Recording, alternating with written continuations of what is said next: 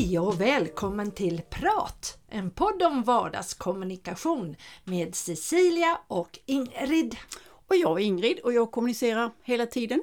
Ja, det gör du. Mm. Och det gör jag med. Vi mm. kommunicerar dagarna i ända, jobb och, och eh, privatliv och överallt. Mm. Och idag så ska vi prata med en som verkligen kommunicerar på alla håll och kanter. Jag känner ju henne lite privat och då är det mycket prat. Mm. Men sen kommunicerar hon ju på annat sätt också. Marianne Gunve, du får presentera dig själv. Ja, tack. Ja, jag kommunicerar som du säger även skriftligen då eftersom jag är författare och skriver böcker.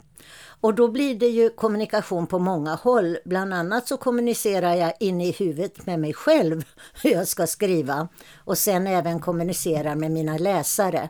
Men inne i mina romaner finns ju också konversationen mellan eh, huvudfigurerna i alla fall, eller ah. alla människor. Vad spännande! Hur är det, det är ju någonting som vi har pratat om, vi tycker är jättespännande, det här hur, hur du får dina karaktärer att kommunicera med varann. Ja, för det mesta så är det ju då inom dialog. Man har ju olika delar när man skriver, men i dialogen. Och eftersom i mina två romaner och min tredje nu här så är det två personer som kommer ifrån väldigt olika samhällsklasser så blir det ju också att kommunikationen eh, kärvar lite grann ibland. Man förstår inte riktigt varandras språk. Eh, som en utav huvudpersonerna, Bruno, han blir inte riktigt förstådd med sin bruksdialekt och sin sociolekt när han avancerar till ingenjör och hamnar bland de som är mycket mer välutbildade än han från början och kommer från annan typ av hem. Men jag tänkte på det när du sa att, att dina karaktärer kommunicerar med varandra. Händer det, jag kan ingenting om hur man är, blir författare, men jag tänker så, kommunicerar du också med dina karaktärer? Ja, vad som är intressant med karaktärerna det är ju att de ibland lever ett helt eget liv. Så jag skriver ju på dator så fingrarna bara går och så kan jag själv bli väldigt förvånad. Oj då, gör de så här? Jaha, Nej men sa han så här nu? Mm. Och sen börjar jag också analysera lite grann då. Och sen gör jag ju mycket eh, redigering naturligtvis och då finputsar man ju. Mm. Men eh, karaktärerna kan förvåna en. Mm. Ja, det har jag hört mm, andra författare säga. Jag tycker det låter jättespännande. Men det måste ju komma kanske lite ur att du har gjort ett eh, gediget researcharbete innan. Eller hur kommer... Ja. ja, men min research då för det mesta det är ju just de historiska delarna i och med att jag skriver, den första romanen jag skrev eh, utspelar sig mellan 1932 och 1939. Och då tar jag reda på till exempel som, vad åt man för mat, vad var det för politiska händelser, hur klädde man sig, vad fanns det för melodier och så. Så det blir inte direkt kommunikation utan det kan ju nästan bli lite som lärosatser mitt uppe mm. i det hela. Då. Mm. Och där är jag naturligtvis jättenoggrann med att det ska vara så äkta som möjligt. Det är någon gång jag har fuskat, men då vet jag det. Då kan det vara på två dagar en händelse. Jag tänker på det där, Cecilia hon pratar mycket för sig själv eller med sig själv. Händer det att du också kommunicerar med dig själv under tiden du skriver? Alltså att du, ja, kommunicerar, alltså förstår du vad jag menar? Ja, in i hjärnan kan man väl säga då. Jaha, du pratar inte högt? Nej, jag pratar inte högt då. Utan, men, och likaså de perioder jag inte sitter vid datorn och mm. skriver, då kommunicerar jag väldigt mycket inne i mitt huvud. Och där kläcks ju många idéer också. Mm. Så det är ett ömsesidigt utbyte med mig själv. Men det måste ju betyda att det händer väldigt mycket både alltså, i, i din hjärna naturligtvis och så går du ut i händerna och skriver. Är det någonting som du lär dig någonting av i, om dig själv och, och hur du ska leva? När du, när, jag får, ja, det är en konstig fråga. Ja, men... nej, men nej. Jag, jag lär mig jag lär mig inte så mycket själv men jag har däremot ett mål mm. att lära andra någonting. Mm. Och därför har jag valt vissa dilemman i mina böcker. Mm. Som har ett, som har ett syfte? Ja, mm. det, det tänkte jag faktiskt på. Jag har ju faktiskt läst dina två böcker. Mm. Ja, du kanske har skrivit fler men jag har läst de här som du har givit ut nu på senaste tiden.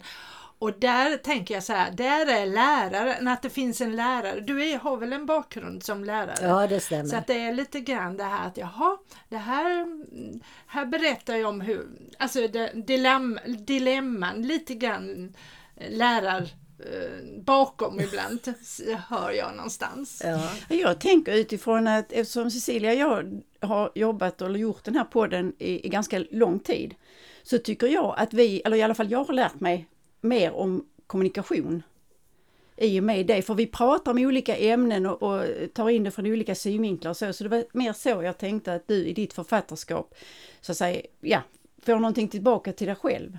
Inte bara att lära ut utan att det liksom går tillbaka till dig själv. Det kanske det blir så småningom. Eller den tredje jag skriver på nu då. Mm. Där är det ju mera att jag lär mig själv. För jag skriver den tredje på ett, det är samma svit. Mm. Men jag skriver på ett helt annat sätt nu än vad jag har gjort tidigare. Och det är också spännande för mig själv. Mm. Men då betyder det att det har blivit någon utveckling i din kommunikation? Det tror jag absolut. Och jag ser ju en stor utveckling överhuvudtaget. Mm. Men eh, hur kommer det sig att du väljer ett nytt sätt Eh, att skriva då? Ja men det tror jag, jag är ju ganska ny som författare men jag tror att det är ganska vanligt att när man har hittat liksom en form, man hittar ju sin egen författarröst och den är ju även med i den nya romanen som kommer ut i sommar nu. Mm. Men jag ville testa mig själv på något sätt. Kan jag mer? Kan jag på annat sätt? Mm. Där är det ju en helt annan, där är det ju en envägskommunikation med mycket tankar. Okay. Mm, och det har jag ju inte gjort i de andra. Och just det, apropå envägskommunikation, tänker du på dina läsare? Kommunicerar du med läsarna på något sätt när du skriver? Nej, jag anpassar mig inte. Eh, för min del känns inte det rätt. Mm. Utan jag skriver för att jag har en historia jag har att berätta. Och jag skriver väldigt, väldigt spontant eh, och sen redigerar jag. Mm. Och därför kan jag heller aldrig säga hur, lång blir, hur långa blir mina romaner. För det är en del som frågar hur lång får en roman vara? Ja, den varar ju tills historien är slut eller annars får man dela upp den i flera delar som jag har gjort. Och du har ingen tanke? Jag tror mig jag har hört, det vet jag inte egentligen, men ibland att en del börjar med slutet. Ja, Eh, det har jag inte gjort hittills, men jag förstår de som gör det. För då har man någonting i huvudet och så vet man absolut hur det ska gå. Och i min andra eh, roman här, Claris krig, mm. där hade jag slutet klart för mig. Men jag började inte med slutet. Utan jag spann vidare på de här trådarna, men jag visste slutet. Ah, ja. Mm. Händer det att du kommunicerar med dina läsare? Ja, och det var bra att du ställde den frågan. För det är det mest fantastiska då. Det är när man kom, kommer fram, eh, får komma ut på bibliotek och i olika samlingar och får berätta om sina böcker. Och på de ställen då jag var uppe i Sandviken var jag på ett ställe där de hade läst mina två böcker väldigt noggrant. Och då blev det ju en verklig äkta kommunikation där de ställde frågor och svar och vi kunde diskutera, kunde man ha gjort på annat sätt och så. Inte mitt skrivande då utan karaktärernas handlingar. Men oj, det låter ju jättespännande. Men tänk om de har analyserat på ett sätt som nej, det stämmer inte alls. Eller? Då får man ju gå med på det. Ja. För det är alltid läsaren eller lyssnarens tolkning ja, som är den rätta för den. Mm. För det är också våra livserfarenheter som byggs in hur vi tolkar saker. Så jag säger ju aldrig no att någon säger fel utan då säger jag snarare så här, ja ja men så kan man ju också känna. Ja. Så kan man ju också tänka. Om de då frågar mig personligen då kan jag ju svara, nej så tänkte inte jag. Men det är mm. precis som man ser ett konstverk. Precis. Man gör sin egen tolkning ja. ifrån egna föreställningar. Ja. Är den eh, kommunikationen med eh, dina läsare betydelsefull för dig på något sätt? Det är absolut betydelsefullt. Jag får ju också en del som hör av sig via mail eller eh, telefon eller sms. Och, men framför allt de möta, som jag möter live. Eh, det blir ju också det blir ju en feedback. För det första så får man lite rosor och det kan man mm. behöva mm. för branschen är, är tuff. Men sen också att man kan diskutera olika, så det ger mig väldigt, väldigt mycket. Utan publiken så kan man liksom inte, man kan inte skriva bara för sig mm. själv. Eller jag kan inte det. Men då blir det lite mer av det nu framöver, tänker jag, eftersom vi får lov att röra oss lite mer fritt. Ja, det mm. har ju varit tuffa tider under de här coronaåren. Mm. mm. Men samtidigt som författare så har jag också varit tacksam mm. för att jag har fått så mycket frigjord tid mm. och kan skriva mer. Hur kom du på idén att börja kommunicera som författare? Ja, det var en ren händelse. Jag har ju alltid kommit, jag har varit lite teaterapa ända sedan jag var liten och när jag var eh, jag ska vi säga 10, 12, 14 års åldern så spelade jag sån här amatörteater. Mm. Så jag har väl alltid haft ett behov att kommunicera. Mm. Och sen som lärare så kommunicerar man ju hela tiden. Och sen efter, jag jobbade ganska länge, jag hade ett eget företag mot slutet, ett pedagogiskt företag. Och sen så bestämde jag mig för att pensionera mig. Men jag kunde ju inte tänka mig att sätta mig och rulla tummarna efter det. Mm. Gick jag först på en målarkurs men hamnade sen på en skrivarkurs och sen var det kört. Så jag har ju en treårig utbildning innan mm. jag gav ut min första mm. roman. Så det var lite slumpen som gjorde att du blev författare? Ja, mm. det var slumpen. Mm. Ja, det är, den ska man räkna med. Ja, och nu har jag riktigt fastnat. Mm. Ja. Vad är det som är det mest fascinerande som gör din skrivarlust? Ja, jag har jag har en stor skrivarlust. Det är ofta att jag går och tänker. Jag lever mig in i mina figurers liv. Och när, jag, när folk tror att jag gör ingenting så lever de i mitt huvud. Och sen är det precis som att när jag väl sätter mig och skriver, då triggar det sig självt, mig själv. Så det bara flödar mer och mer och idéerna kommer alltså efterhand medan jag skriver. Så det är inte bara tankar i huvudet utan det är en lång associationskedja. Sen är det möjligt att jag tar bort lite då när jag redigerar. Men jag har tur som har ett sånt enormt flöde så att jag mer måste ta bort än att jag måste sitta och fundera på vad ska jag lägga till. Blir det så där att när då romanen är färdigskriven, eh, har du då någon eh, sorg eller någon saknad av dina kommunikationspartners? Nej, i och med att jag skriver en serie nu mm. så eh, kastar jag bara mig över nästa bok när en är klar. Och nu, den som jag har i tankarna nu då, den här som jag skriver nu, den är mm. inte färdig men i tankarna finns redan fyran i huvudet. Mm. Mm. Så det så ja, och för, fråga mig inte hur det kommer sig, det bara är så för mig. Mm. Ja, det måste vara roligt för det blir hela tiden en kommunikation. Absolut, Både inåt och, och med absolut. dina karaktärer och med läsare. Ja. Mm. Spännande.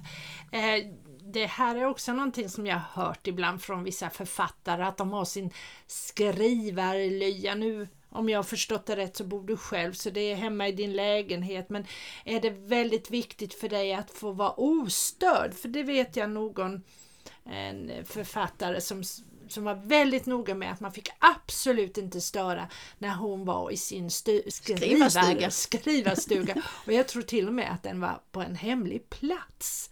Men så har inte du det, eller? Eh, jag har förmånen också att kunna skriva var som helst. Så, och eftersom jag lever ensam som sagt så är det inga störningar. Men då kan jag ju sätta då telefonen på flygplansläge och så vidare. Och ringer det på dörren så kan jag strunta i det. Men det är när jag precis är i ett sånt här starkt flöde som jag inte vet vart det ska ta vägen. Mm. Men det är väldigt skönt också att sticka iväg någonstans och skriva för man behöver ha olika miljöer stimulera mig i alla fall och ger nya idéer. Så att eh, till exempel jag är ofta, eller var innan coronan, ofta i New York hos min son och hans familj. Och då var ju de borta på dagarna allihopa och där hade jag ju en enorm ro då, plus att jag hade roligt med dem sen när de kom hem. Ah, ja. Och jag har skrivit i Frankrike och jag har skrivit i Grekland. Ja, spännande. Är det någon, jag tänkte liksom natur eller stad, är det någon ja, det, sånt där puls? Ja, där? precis. Och det kan också vara människor jag möter ah, som mm. kan inspirera. Mm. Kan, det är också någonting som jag funderar på. Eh, jag har en eh, annan väninna som skriver och jag tyckte ju att jag kunde känna igen både mig själv och andra människor i hennes bok. Och hon sa nej, det var bara fiction. Hur är det för dig? Är det ändå lite människor man, som skulle kunna känna igen sig i dina böcker? Nej, Absolut inte, för de är fiktiva. Det enda som jag har är en tunn, tunn tråd av min mor. För så här efteråt så beundrar jag henne eftersom hon vägrar att bli hemmafru eh, på 30-talet i min roman då, Fina flickor. Och eh, hon strävade efter det, för det var väldigt ovanligt. Så, men sen är det bara som jag har fantiserat ihop. Och så är det en tunn, tunn tråd av min far. Och det var att han kom från arbetarklass och utbildade sig till ingenjör mm. och höjde sin status väldigt mycket genom det. Mm. Men för övrigt är allting bara, för annars så hur intressanta är normala människor egentligen? hur intressant är mm. jag så att säga? Oj, ja, man brukar säga att verkligheten överträffar fiction. Det har jag fått höra inom teatern i alla fall. Jo, men ibland, men då är det också sådär fruktansvärt dramatiska saker och det var bra du tog upp just det. För det har jag tänkt på. Allting är gjort, allting är skrivet, alla hemskheter finns i böcker.